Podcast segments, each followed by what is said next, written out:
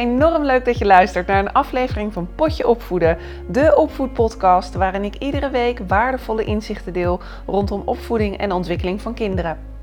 Mijn naam is Joyce Blauwhof. Ik ben gezinspedagoog, trainer en spreker. En ik neem ouders en pedagogisch professionals mee in de zoektocht en de avonturen rondom opvoeden. Dit is jouw wekelijkse inspiratie en steuntje in de rug, de Potje Opvoeden podcast.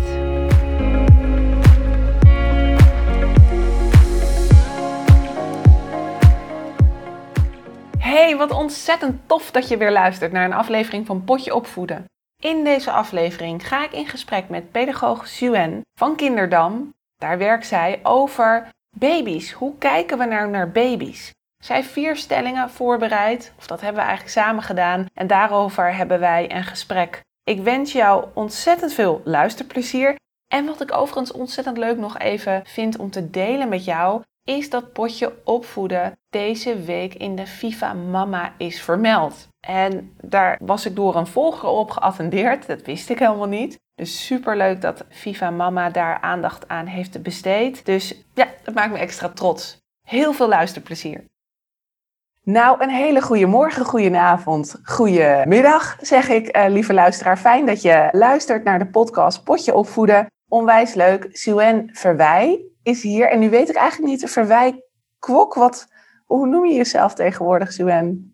Mijn naam is Suen Verwij en mijn ja. meisjesnaam is Kwok. Ja, zie je, die heb ik nog een soort van onthouden. Ja. Dus meteen een mooi bruggetje naar hoe wij elkaar kennen. Want toen was je nog alleen Kwok, dus zo... Dat klopt helemaal. Ja, zo heb ik het onthouden. Suen en ik kennen elkaar eh, uit ongeveer 2010, hadden we het net over.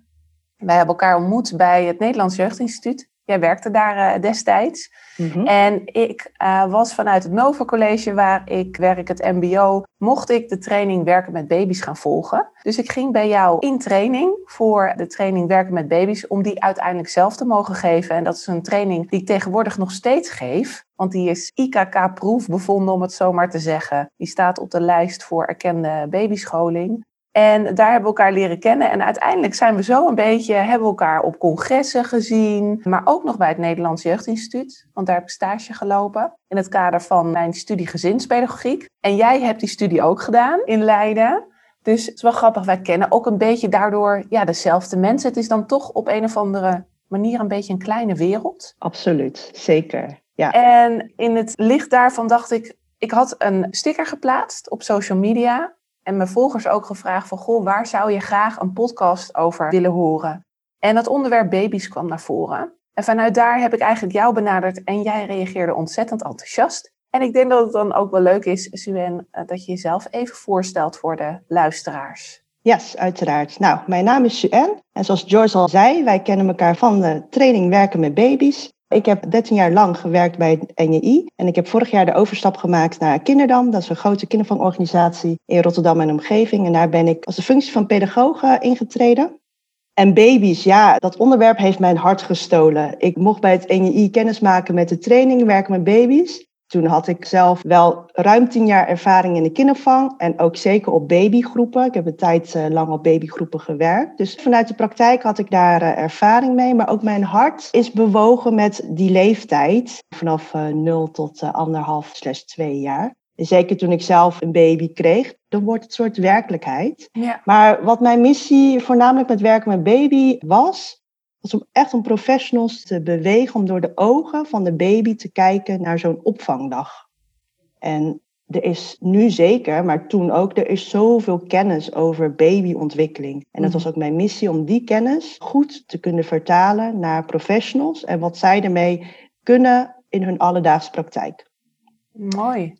Ja, nou ja, goed, de training Werk met Baby's heeft heel veel elementen van MI Piekler. Dat is een visie. En ik mag van Kinderdam ook de echte Piekleropleiding gaan doen dit jaar. Dus daar ben ik heel blij mee. Ja, heel eh, gaaf ook echt. Dus ook zeker. nog wel een wens van mij, ja. Ja, nou, en ik kan je een beetje vertellen wat me nou echt raakt in die uh, Piekler-visie. Kijk, ik weet er echt nog niet alles over en daarom ga ik ook die opleiding doen. Maar van wat ik heb gelezen, ja, wat me echt raakt is, nou weet je, vroeger dacht ik in het werk, hè, echt in de kinderopvang, dat baby's bijvoorbeeld in een wipstoel, dat dat echt ideaal was. Hè? Van ze zitten lekker veilig en hè, babygym daarboven, wat wil je nog meer? En wat ik nu heb gelezen is eigenlijk dat Piekler mij leert dat ik dan daarmee voorbij ga aan wat de baby wil en wat de baby kan. En mijn beeld van de baby was eigenlijk totale afhankelijkheid van mij. Ik bepaalde wanneer de baby erin of eruit ging.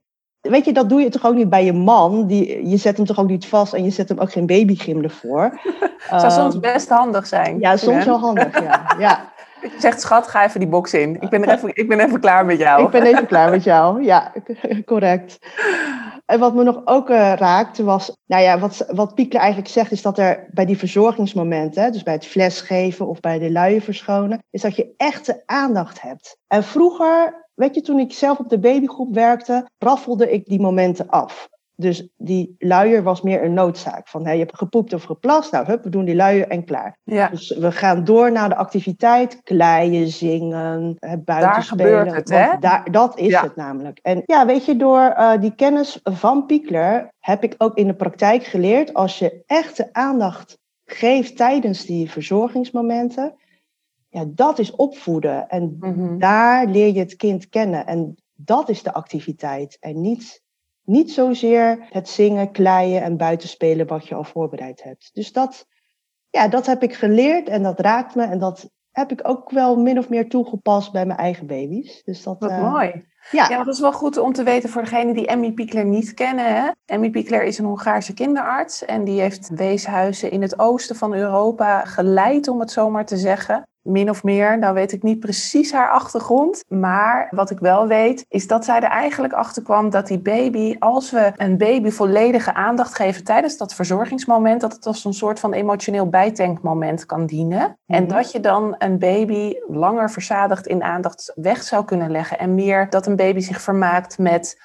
ontwikkelingsmateriaal. En dat het zelf dan uiteindelijk aangeeft als het ons als volwassenen nodig heeft. Maar ik denk inderdaad, mooi wat je zegt, is het gebeurt juist tijdens die verzorgingsmomenten. Ik ken babygroepen waarbij echt de, visie is van we besteden veel tijd en aandacht aan het verzorgen. Dus het eetmoment en het verschoonmoment. En dat spelen, het neerleggen van een baby op een wat hardere mat bijvoorbeeld, dat komt er een soort van bij. En dat, Mhm. het is wel goed voor de luisteraars om te weten, wij eh, nemen dit gesprek op via Zoom. Dus ik, zit- ik zit nu ook een soort van tussen aanhalingstekens te zijn erbij. Want natuurlijk blijft dat ontzettend belangrijk, hè? Het brein op aanzetten. Zeker, Ja. zeker. Dus ik heb voor ons gesprek heb ik vier stellingen bedacht over baby's. Joyce, sinds we Nou, elkaar al zo lang kennen en jij ook zoveel expertise hebt op dit gebied. Ik ben heel benieuwd naar wat jij van de stellingen vindt. Ik en voel wat jouw mening- druk. en wat jouw mening eh, daarop is. Mag ik beginnen met de eerste stelling? Ja, Oké. Stelling 1. De baby moet vermaakt worden. Wat vind jij daarvan? Wat vind ik daarvan? Ik ben het daar niet mee eens. Ik denk zeker niet dat een baby vermaakt moet worden. Ik denk zelf soms dat we eh, niet te veel moeten storen. Als Hmm. ik kijk, zeg maar, eh, hoeveel pedagogisch medewerkers, gastouders ik getraind nu heb. En ook door middel van video-interactie, hè, dus door middel van beeld. Zie ik toch wel vaak dat wij volwassenen de plannen doorkruisen. Van een kind en ook van een baby. Dus ja, ik denk zelfs ook dat we een baby niet te veel moeten vermaken. Omdat dat betekent ook heel veel prikkels. Mhm. En ik denk ook dat baby's wel varen bij eh, toch wel ja, die rust, hè? die kalmte die er ook is. En dat betekent niet dat het altijd stil moet zijn, maar om een voorbeeld te geven, mijn zoontje eh, Tijn toen hij werd geboren, ja, ik deed de radio, de radio heb ik eigenlijk altijd thuis aanstaan, omdat ik fan ben van muziek. Alleen toen hij er was, was ik wel dat ik dacht, oh ja, die prikkels, ik doe het nu even niet. En op het moment heb ik het juist wel gedaan hoor. Ik ging juist ook gewoon stofzuigen terwijl hij in de box lag. Juist ook om hem een soort van te laten wennen aan externe geluiden. Maar het is wel iets waar ik over nadenk. Ja. Hoe, hoe zie jij dat? Vind jij dat een baby vermaakt moet worden? Ja, ik ben het eh, geheel met jou eens, Joyce. Eh, ik Ja? eh, denk ook namelijk niet. En dat wat jij vertelde, dat, dat klopt ook heel erg. Wij als volwassenen hebben heel erg de neiging om iets te willen doen, iets te moeten doen. Of dat denken we dan. Dat we de baby, als ze heel stil is, dat we hem of haar moeten vermaken. Maar ik denk als je heel goed kijkt naar de baby zelf, dan zoekt hij op zijn eigen tempo, zijn eigen vermaak eigenlijk wel. Of het zijn zijn handjes waar hij dan heel verwonderd naar kijkt. Of hij kan dan hè, net omdraaien van rug naar buik. En dan ziet hij heel veel. Maar dan is het kijken naar, dat is eigenlijk zijn activiteit. En inderdaad, wat jij zegt, als je dan als volwassene doorbanjert en boekjes ervoor gaat houden, weet je, dan onderbreek je eigenlijk zijn leerproces op dat moment. Dus ik denk dat onze rol voornamelijk moet zijn om ja, echt uh, een stapje achteruit, achteroverleunen en kijken. Kijk waar de baby mee bezig is. Ja. En als je de baby goed kent, dan weet je ook hoe je daarop aan kunt sluiten. Ja, inderdaad. En ik denk ook wat je mooi vertelde in het begin, is als je zelf een baby krijgt, dan. Ik heb zelf ook ervaren met Tijn dat ik denk: oh wauw, dat gaat wel echt. Die hele ontwikkeling, als je dan durft stil te staan en durft te kijken, dan verwonder je je ook. En dat, dat is dan ook wel het genieten. En eigenlijk al zelfs het begin van het zien als een competente wezen, wat Emmy Piekler zegt. Een kind met eigen behoeften, een eigen individu. En dat is natuurlijk moeilijk om een baby los te zien van jezelf, omdat je nog zo verbonden bent. Maar dat is uiteindelijk wel belangrijk om je kind uiteindelijk ook te gaan zien als een individu die anders is dan jij en die dus andere behoeften ook heeft. En dat vind ik nog wel soms moeilijk hoor in het proces. Waar ik mezelf wel aan moet blijven herinneren van nee, hij doet het op een andere manier dan dat ik dat doe. Juist, ja. Dat? dat herken ik zeker. Maar desalniettemin denk ik wel, als we het hebben over een stukje vermaak, dat je als professional of als ouder wel een stukje uitdaging wil bieden. Hè? Dus het moet niet een hele saaie boel gaan worden op de groep. Hè? Maar uitdaging moet zeker aansluiten op wat de baby op dat moment nodig heeft. En ik denk zeker met de kennis die uh, pedagogisch professionals nu hebben, kan dat echt heel erg goed. Maar gun jezelf de rust. En ik weet ook uit de praktijk dat dat heel erg lastig is, omdat er heel veel dingen moeten. Zeker op dit moment in de coronatijd. Maar hè, die, die rust die je in je lijf, in je hart, in je hoofd zou moeten hebben, geef je de voorwaarden om ja, aan te sluiten en om goed te kijken wat de baby nodig heeft. Maar ik weet uit de praktijk dat dat heel lastig is. Ja, want ook als we die praktijk erbij halen, uh, er is onlangs een eh, artikel verschenen ook dat huilbaby's, hè, corona, stress, uh, dat er nu meer huilbaby's zijn in hmm. het algemeen genomen ik krijg dat ook terug van volgers. Van goh, uh, ja, ik merk ook dat die baby's wat meer moeite hebben weer met de heropening, de overgang naar de groep. Merk jij dat in de praktijk? Ja, we hebben bij Kinderdam, maar krijgen we deze signalen ook. Dat het bij een uh, heropening van de lockdown, dat de baby's het erg lastig hebben. En waar heeft het mee te maken? Ja, ouders werken meer thuis. Ja. En baby's zien misschien ook wat minder andere mensen dan de ouders dus voorheen hadden we meer sociaal contact. Ja. Nu is dat natuurlijk beperkt. Dus ik kan me vanuit het perspectief van baby's heel goed voorstellen dat als je een tijd lang twee gezichten, misschien oma en opa, hè, een paar vaste gezichten hebt gezien en je komt dan weer op de groep, ja, dat dat heel veel prikkels geeft en daarmee dus ook wel stress. En medewerkers zitten zelf ook in de coronatijd, dus die hebben ook een gezin. Ja. brengen zelf misschien ook stress met zich mee. En dat is allemaal een wisselwerking ja, als je kijkt door de ogen van een baby, denk ik zelfs dat die wenperiode, hè, die wenperiode is zo, die start eigenlijk weer opnieuw. Klopt. En die zal wellicht weer iets korter duren, omdat je toch die flexibiliteit ook wel hebt, vermoed ik. Maar eigenlijk door de ogen van een baby zou het mooi zijn als het wenproces weer begint. Klopt. En dat niet, en dan vanuit de pedagogisch professional, ja, als je al die baby's op je babygroep hebt, ja, dat, dat is dat is bijna gewoon niet te doen. Eigenlijk zou je dat stapsgewijs ook weer moeten gaan opbouwen. Maar ja, Hè, dat kan natuurlijk niet. Het is ook klopt. een plaatje. Ja, klopt. Ja. Maar ja, dat is inderdaad. En ik denk dan, dan dat het gewoon heel belangrijk is om weer te gaan zitten op die grond, er te zijn. Proberen zo sensitief mogelijk te reageren eigenlijk. Ja, mooi. Ja, ja. Nou, ik stap even over naar uh, stelling 2. En stelling 2 sluit een beetje op uitdaging aan. En stelling 2 gaat over actief speelgoed. Ja. Baby's hebben actief speelgoed nodig. En actief speelgoed, daar bedoelen we dan uh, speelgoed met uh, lichtjes en geluid. En nou ja, ik ga geen merken noemen, maar uh, is een heel bekend merk. wat, wat alles doet aangaan. Oh, Tijn heeft ook zo'n ding. En volgens mij, Suen, heeft hij die nog voor jou gekregen. Oh nee, echt waar. Oh, jij bent de schuld jij... aan mijn zoon. Die heeft het cadeau uitgekozen. zo'n liedjesboekje. En die sla je dan open met lichtjes. Alles wat op uh, batterijen zeg maar gaat. juist, dat bedoelen we met actief speelgoed. Ja, Tijn vindt dat leuk merk ik. En ook wat ik merk is dat de aandachtspan in die zin kort is. Hij, hij doet het even en vervolgens gooit hij het in de hoek. Dat kan natuurlijk ook liggen aan hem. Maar ja, actief speelgoed. Als ik kijk naar baby's, ben ik fan van eigenlijk zo stil mogelijk speelgoed. Mhm. En wat natuurlijk daarmee meer hout, meer open speelgoed. Hè, bakjes, dat is ook eigenlijk wat Emmy Piekler natuurlijk geeft. Van probeer open speelgoed te pakken, zodat baby's dat makkelijk kunnen vastpakken. Natuurlijke materialen, veel van hetzelfde. Dat is wel iets waar ik zelf ook blij van word. En dan gaat het natuurlijk niet om mijn behoeften. Ehm, maar ik zie ook bij Tijn toen dat hij dat heel interessant vindt. En dat dat hem ook wel heeft uitgedaagd om te beginnen met rollen bijvoorbeeld. Of Leuk. te beginnen om, om zijn nekje wat langer omhoog te houden. Dus ik ben fan van stil speelgoed. En je moet me, correct me if I'm wrong, als ik een keertje, als je me tegenkomt, luisteraar. En ik heb actief speelgoed bij me met geluidjes. Hè, don't judge me. ik, ben, ik ben ook gewoon mens, zeg maar.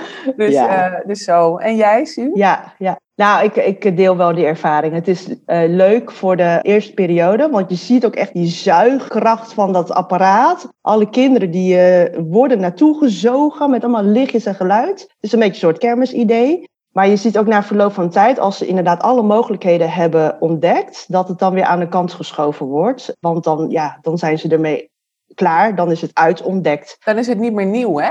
Nee, is- ja. Nee. En ik heb één locatie die ik dan eh, begeleid bij Kinderdam. En bij hun eh, hoor ik echt hele enthousiaste verhalen over het nieuwe speelgoed wat ze hebben aangeschaft. Nou, dat nieuwe speelgoed is wat je net beschreef. hè, Natuurlijk materiaal, open materiaal, ringetjes, ballen, blokken. Waar je heel veel verschillende dingen mee kunt. En wat de pedagogische medewerkers teruggeven, is dat ze zeggen dat ze de baby's anders zien spelen. Ze zijn er langer mee bezig en je ziet ze op een manier spelen met hè, bakje in, bakje uit, bakje op elkaar, bakje naast elkaar. Elke keer als er iets anders gebeurt, dan verwondert het hun ook weer. Van, oh, dat kan het ook. Dus ze zijn er op een andere manier mee bezig met het nieuwe speelgoed dan voorheen. En dat vind ik wel ja, een, een positief verhaal. Met want- name ook als je zegt van, dat de pedagogisch professional zegt, oh, dat kan ook. Dat betekent dus dat er veel meer creativiteit van het kind wordt gevraagd. Mhm. Hè? Want laten we wel wezen, die knopjes indrukken met zo'n muziekje, dat is één enkele handeling vaak. Ja, En ik hoor jij zeggen, bakje in, bakje uit, weer er wat op.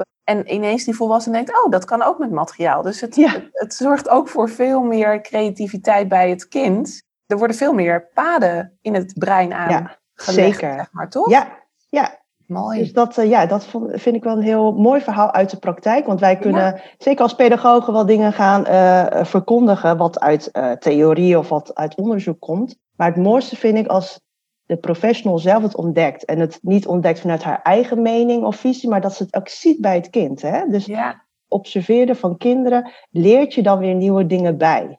mooi, heel mooi. Zullen we meteen doorpakken naar de volgende stelling? Ja, nummer drie. Verzorgen is communiceren. Dus ja, nou, de stelling zegt Ja. het al. Wat vind jij ervan? Jij mag nu eh Ja, absoluut. Ja? heel duidelijk. Absoluut, ja, absoluut. Nou ja, met Inje heb ik ook wel eh, groepen professionals getraind. En één ding wat me heel goed is bijgebleven is dat één iemand zei: Ja, maar baby's praten niet, dus waarom zou ik terugpraten? Nou, en dat is wel een zin wat me wel enorm is bijgebleven. Nou ja, als je dan op de groep bent, zou het dan betekenen dat het dan heel stil is bij het verschonen en het flesgeven? Hoe ja, moet de baby dan leren wat taal is? Of hoe moet de baby leren hoe wij op aarde interacteren met elkaar? En hoe bouw je een relatie op met een baby als je niet communiceert? Dus ik denk zeker, verzorgen is communicatie. En verbaal, zeker, maar ook non-verbaal. Ja, vooral dat denk ik ook. Hè? Als je kijkt hoe die baby zo open staat nog voor alles. Hè? Vooral de intonatie, de manier van aanraken. Leg je die baby snel op die commode neer? Of doe je dat met volledige aandacht en leg je het rustig, respectvol neer? Hè? Die subtiele signalen die zijn al zo belangrijk om je op je gemak te doen voelen. Toevallig had ik gisteren een examengesprek, Suen. was van een student van mij. En dat ging over het keuzedeel werken met baby's. En zij vertelde, ja, dan zorg ik ervoor dat ik even lekker zit. En ik zorg ervoor dat die baby lekker zit. Even kijken of er niks knelt. En dan begin ik met de fles geven. En Mooi. het feit dat zij dat zei, was ik zo trots op haar. Dat ik dacht, jij ziet die baby al als een individu. Het moet lekker liggen. Weet je, het t-shirtje moet even goed zitten. Zit je goed? Dus je ziet het echt als mens. En dat vond ik Ja. zo iets moois. Wat inderdaad ook al begint met die communicatie. Maar in dat soort non-verbale signalen al. Ja. Ja. Ja. het is net alsof je zelf of uit eten of zelf thuis gaat eten. Mhm. Dat je ook wil dat je een lekkere stoel hebt of dat, hè, dat alles netjes op tafel staat, dat je bestek hebt en dat, nou ja, dat soort dingen voor jezelf, als je dat voor jezelf geregeld wil hebben. En als je de baby als gelijkwaardig ziet, nou dan vind ik dit soort acties vind ik heel mooi. Want dat betekent dus dat je ook wil dat die baby ook lekker eet en ook een aangename ervaring krijgt bij het eten. Ja, en ik denk echt dat dat effect heeft op je groepsfeer. Op het moment dat het jou lukt om dit meer te doen, meer ook in die vertraging te zitten, wat baby's toch ook echt nodig hebben, dan zal je dat ook als effect zien op je groepsfeer, denk ik. En op de stelling die je zei van verzorgen is communiceren, mee eens. En wat ik soms ook zie, is dat er te veel gecommuniceerd wordt. Dat het Mm. soms communiceren om het communiceren is, omdat we dat geleerd hebben, dat je alles moet benoemen. Maar daarbij dus voorbij gaan aan de signalen van een baby. Misschien zegt die baby wel op dat moment: Ik heb even niet zoveel prikkels nodig. Het is wel goed als je benoemt dat je mijn voeten vastpakt om omhoog te doen, die luier om te doen. Maar ik hoef ook niet nog dit en dit en dit en dit te weten, omdat dat gewoon te veel is. Ja. En Joyce, hoe kan je dat zien bij een baby? Ja. Ja, je, je hebt natuurlijk allerlei signalen van baby's. Ik noem maar even eentje, is het wegkijken. Mhm. Dat is, dat is wel echt ook een signaal eigenlijk van een baby waarbij het kan communiceren van het is even klaar, het is even genoeg. Hè? Dan gaat het uit contact. Ja. Ik denk dat dat een moment is om wel goed ja, te bekijken van heeft die baby nu wel nog behoefte aan contact of is het belangrijk dat ik even stil ben.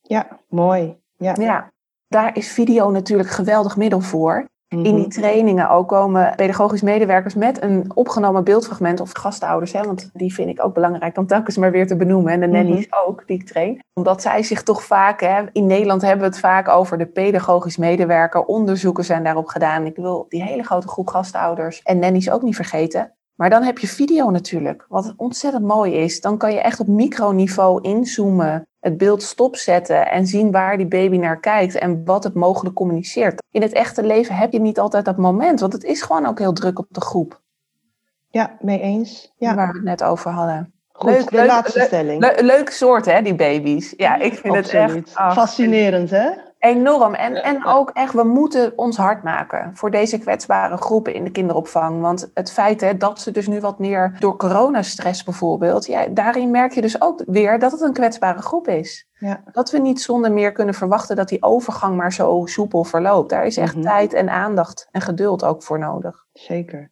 En Ja. ik ben trots op de Nederlandse kinderopvang dat we daar echt wel bij stilstaan. Want uit alle landelijke artikelen die ik eh, volg op social media, eh, Ja. ja. weet je, de kinderopvangorganisaties hebben daar echt wel aandacht voor. Met de heropening en wat dat vraagt van eh, onze medewerkers en ouders en kinderen om dat soepel te laten verlopen.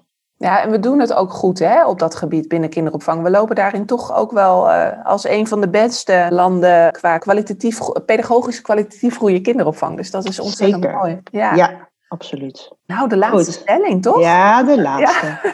Dat moet een topper zijn. Ja. Het huilen van de baby verhoogt mijn stress. Wat vind jij daarvan? Ik heb zelf op babygroepen ook gewerkt. En als ik dan even kijk naar mijn baby, die inmiddels een dreumes is, 18 maanden nu, verhoogt het mijn stressniveau? Ja, ik heb echt wel momenten gehad dat ik dacht, wat nu? Het enige wat ik nu kan doen is jou vasthouden en in alle rust benoemen. Hé, je bent verdrietig, laat het er maar even uit. Maar ik merkte ook wel soms onmacht. Dat ik dacht van, oh, ik weet nu echt niet wat er aan de hand is. Het is toch ook maar soms gissen wat er is. En ik denk dat het ook wel gewoon een biologisch iets is. Hè? Als jouw kind huilt, gaat jouw stresssysteem als moeder op aan. Maar ook gewoon als het niet jouw baby is. Ik weet wel dat ik zwanger was van Tijn en dat ik dan een andere baby hoorde huilen. Mhm, Ik had de neiging om naar die baby toe te gaan en het op te pakken. mhm. En dat weet ik nog wel uit onze studie, dat zodra je zwanger bent, ga je ook andere paden, hersenpaden aanmaken Mhm. in je brein. En dan is het een soort van natuurlijk iets om, vind ik wel heel machtig mooi hoe de natuur dat regelt, dat je geneigd bent om dan direct die andere baby ook te troosten. Ja, Dus ja, het verhoogt soms zeker wel mijn stressniveau. En ik ben me daarvan bewust. Dus ik probeer dan wel weer eerst mezelf even tot kalmte te krijgen voordat ik ja, dat verder eh, oppak of zo. Ja. Ja. Is dat ja. Nou, ik vind het wel mooi dat je de natuur aanhaalt. Want zeg maar, in mijn werkcarrière heb ik geen enkel persoon gezien die bij het huilen van een baby niet reageerde. Nee. Dat zou dan ook een beetje een raar beeld zijn, zeg maar, als je op de groep werkt en er helpt iemand en je ziet je collega gewoon verder doorgaan met haar werk.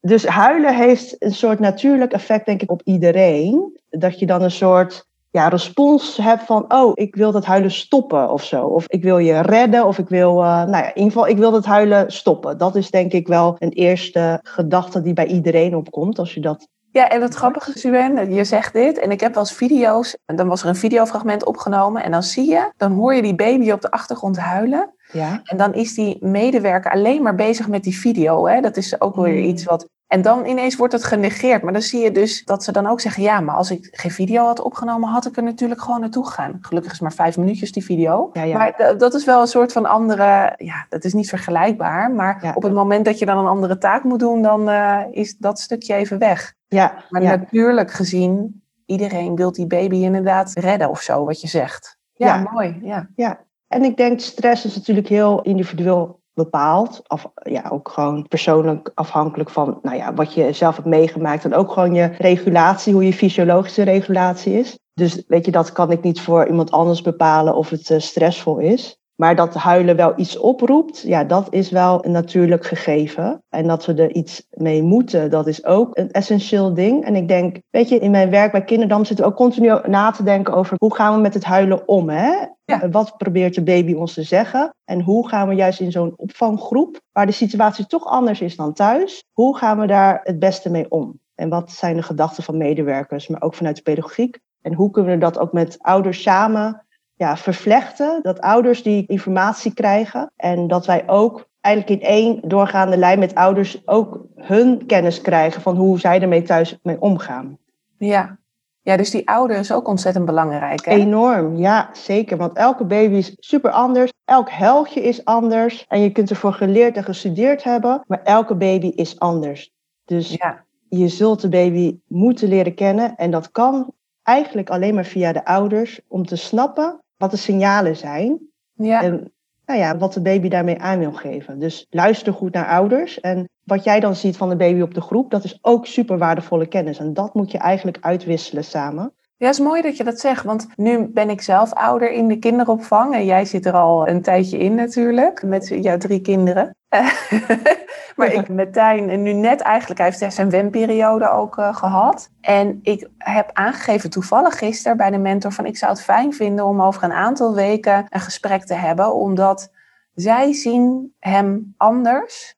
Of tenminste, ze zien hem weer op een andere manier dan dat ik doe ik zou van hen ook zo graag willen leren van hoe zien zij hem. Ik ben daar gewoon geïnteresseerd in, nieuwsgierig naar. En dat is natuurlijk in deze coronatijd wel een uitdaging om het contact, het warme contact met ouders te blijven houden. Ja, absoluut. Ja, dat is ook enorm lastig. Ja, is ook zo. Want hoe doen jullie dat bij Kinderdam? Is daar iets waarbij jullie zeggen van nou we nemen contact op, regelmatige basis? Of hoe doen jullie dat? Ja, ze hebben op de groepen hebben ze systemen, een soort ouder-app, waarbij ouders altijd geïnformeerd worden over nou ja, de dag. Hè, dus de standaard dingen met eten, verzorgen en slapen. Maar ook nou ja, met foto's informeren we ouders, dus wat de kinderen op de groep doen. Nou ja, dan hebben we natuurlijk gewoon de jaarlijkse ala 10 minuten gesprekken, maar dan gaat het over de ontwikkeling. Hè. We, we, observeren de kinderen eh, minimaal één keer per jaar. En die observatie willen we dan ook graag delen met ouders. Mhm. Over of zij dit gedrag nou herkennen en of ze daar nog vragen over hebben. Want ja, de kracht van de kinderopvang is hè, dat we een groep hebben met heel veel kinderen. En dingen kunnen opvallen Kinderen kunnen op de opvang ook ander gedrag laten zien. Dus die ontwikkeling is heel belangrijk om te delen met ouders, zodat zij één op de hoogte zijn, maar twee ook deze informatie, uh, hè, als ze naar groep 1 gaan, ook dit mee kunnen nemen. Hè, van uh, op de groep hebben we deze informatie gekregen. En daar kan ja, school ook weer verder mee. Mooi hoor. Ja, inderdaad. It takes a village to raise a oh, child. Absoluut, daar ben ik het helemaal mee eens. Ja, ik, als ik dit zo hoor, dan denk ik, oh ja, die quote die is echt wel heel, uh, heel passend. Nou, ik denk dat het mooi is om een beetje richting een einde te gaan, uh, Suen. Ik zou uh, heel lang met jou kunnen kletsen. Want nu hebben we in ieder geval die vier stellingen gedaan, zeg maar. Is er nog iets wat jij als tip mee zou willen geven? Of een goede raad die je hebt voor de professionals die nu luisteren en werken met baby's? Ik heb je daar niet van tevoren over geïnformeerd van denk daar eens over na. Dus dit is uh, out of the blue. Ja, dus ik moet nu heel hard gaan nadenken. Um, ik heb van de week heb ik een uh, locatie mogen vertellen over de visie van Piekler. En ik begon met het kindbeeld. Hè, dus hoe kijken we naar kinderen bepaalt hoe we handelen met kinderen. De tip die ik wil geven eigenlijk is, hoe kijk jij naar kinderen? Sta je daarbij stil?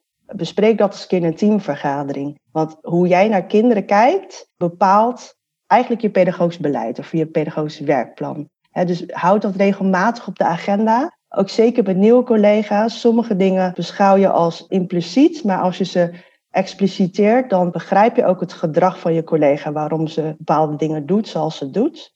Ja, dus heb goed voor ogen hoe kijk ik naar de baby? Wat vind ik van, ja, wat vind ik van die baby? Hoe staat ze in verhouding tot mij? Ja, dat is echt een rijkdom aan informatie als je dat al van je collega zou weten. Ja, en dat, dat zou je eigenlijk per baby die je begeleidt op je groep kunnen doen. Hè? Van hoe kijk ik naar deze baby? Hoe zie ik dit individu? Ja, inderdaad, mooi. Heel mooi. Mooie uh, laatste toegift, Suen. Ik wil je ontzettend bedanken voor je bijdrage aan deze podcast. Graag gedaan. Als ik dan onze onderwerpen hoor, denk ik, nou, daar kunnen echt veel mensen, ja, nou, geïnspireerd. Dat hoeft niet per se alsof mensen maar, uh, geïnspireerd moeten raken. Maar ik denk echt dat ze er wat aan kunnen hebben. In ieder geval tot nadenken zetten van hoe kijk ik naar die baby. Dus uh, ontzettend bedankt voor je bijdrage. Graag gedaan.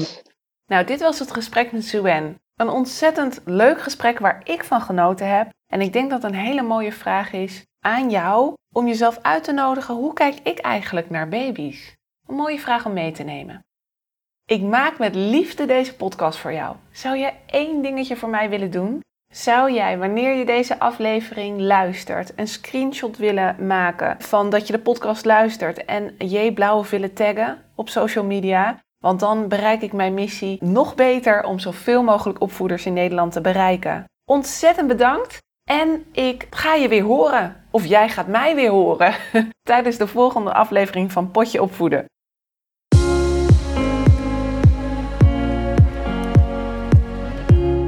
Hey, wat ontzettend leuk dat je hebt geluisterd. Bedankt daarvoor.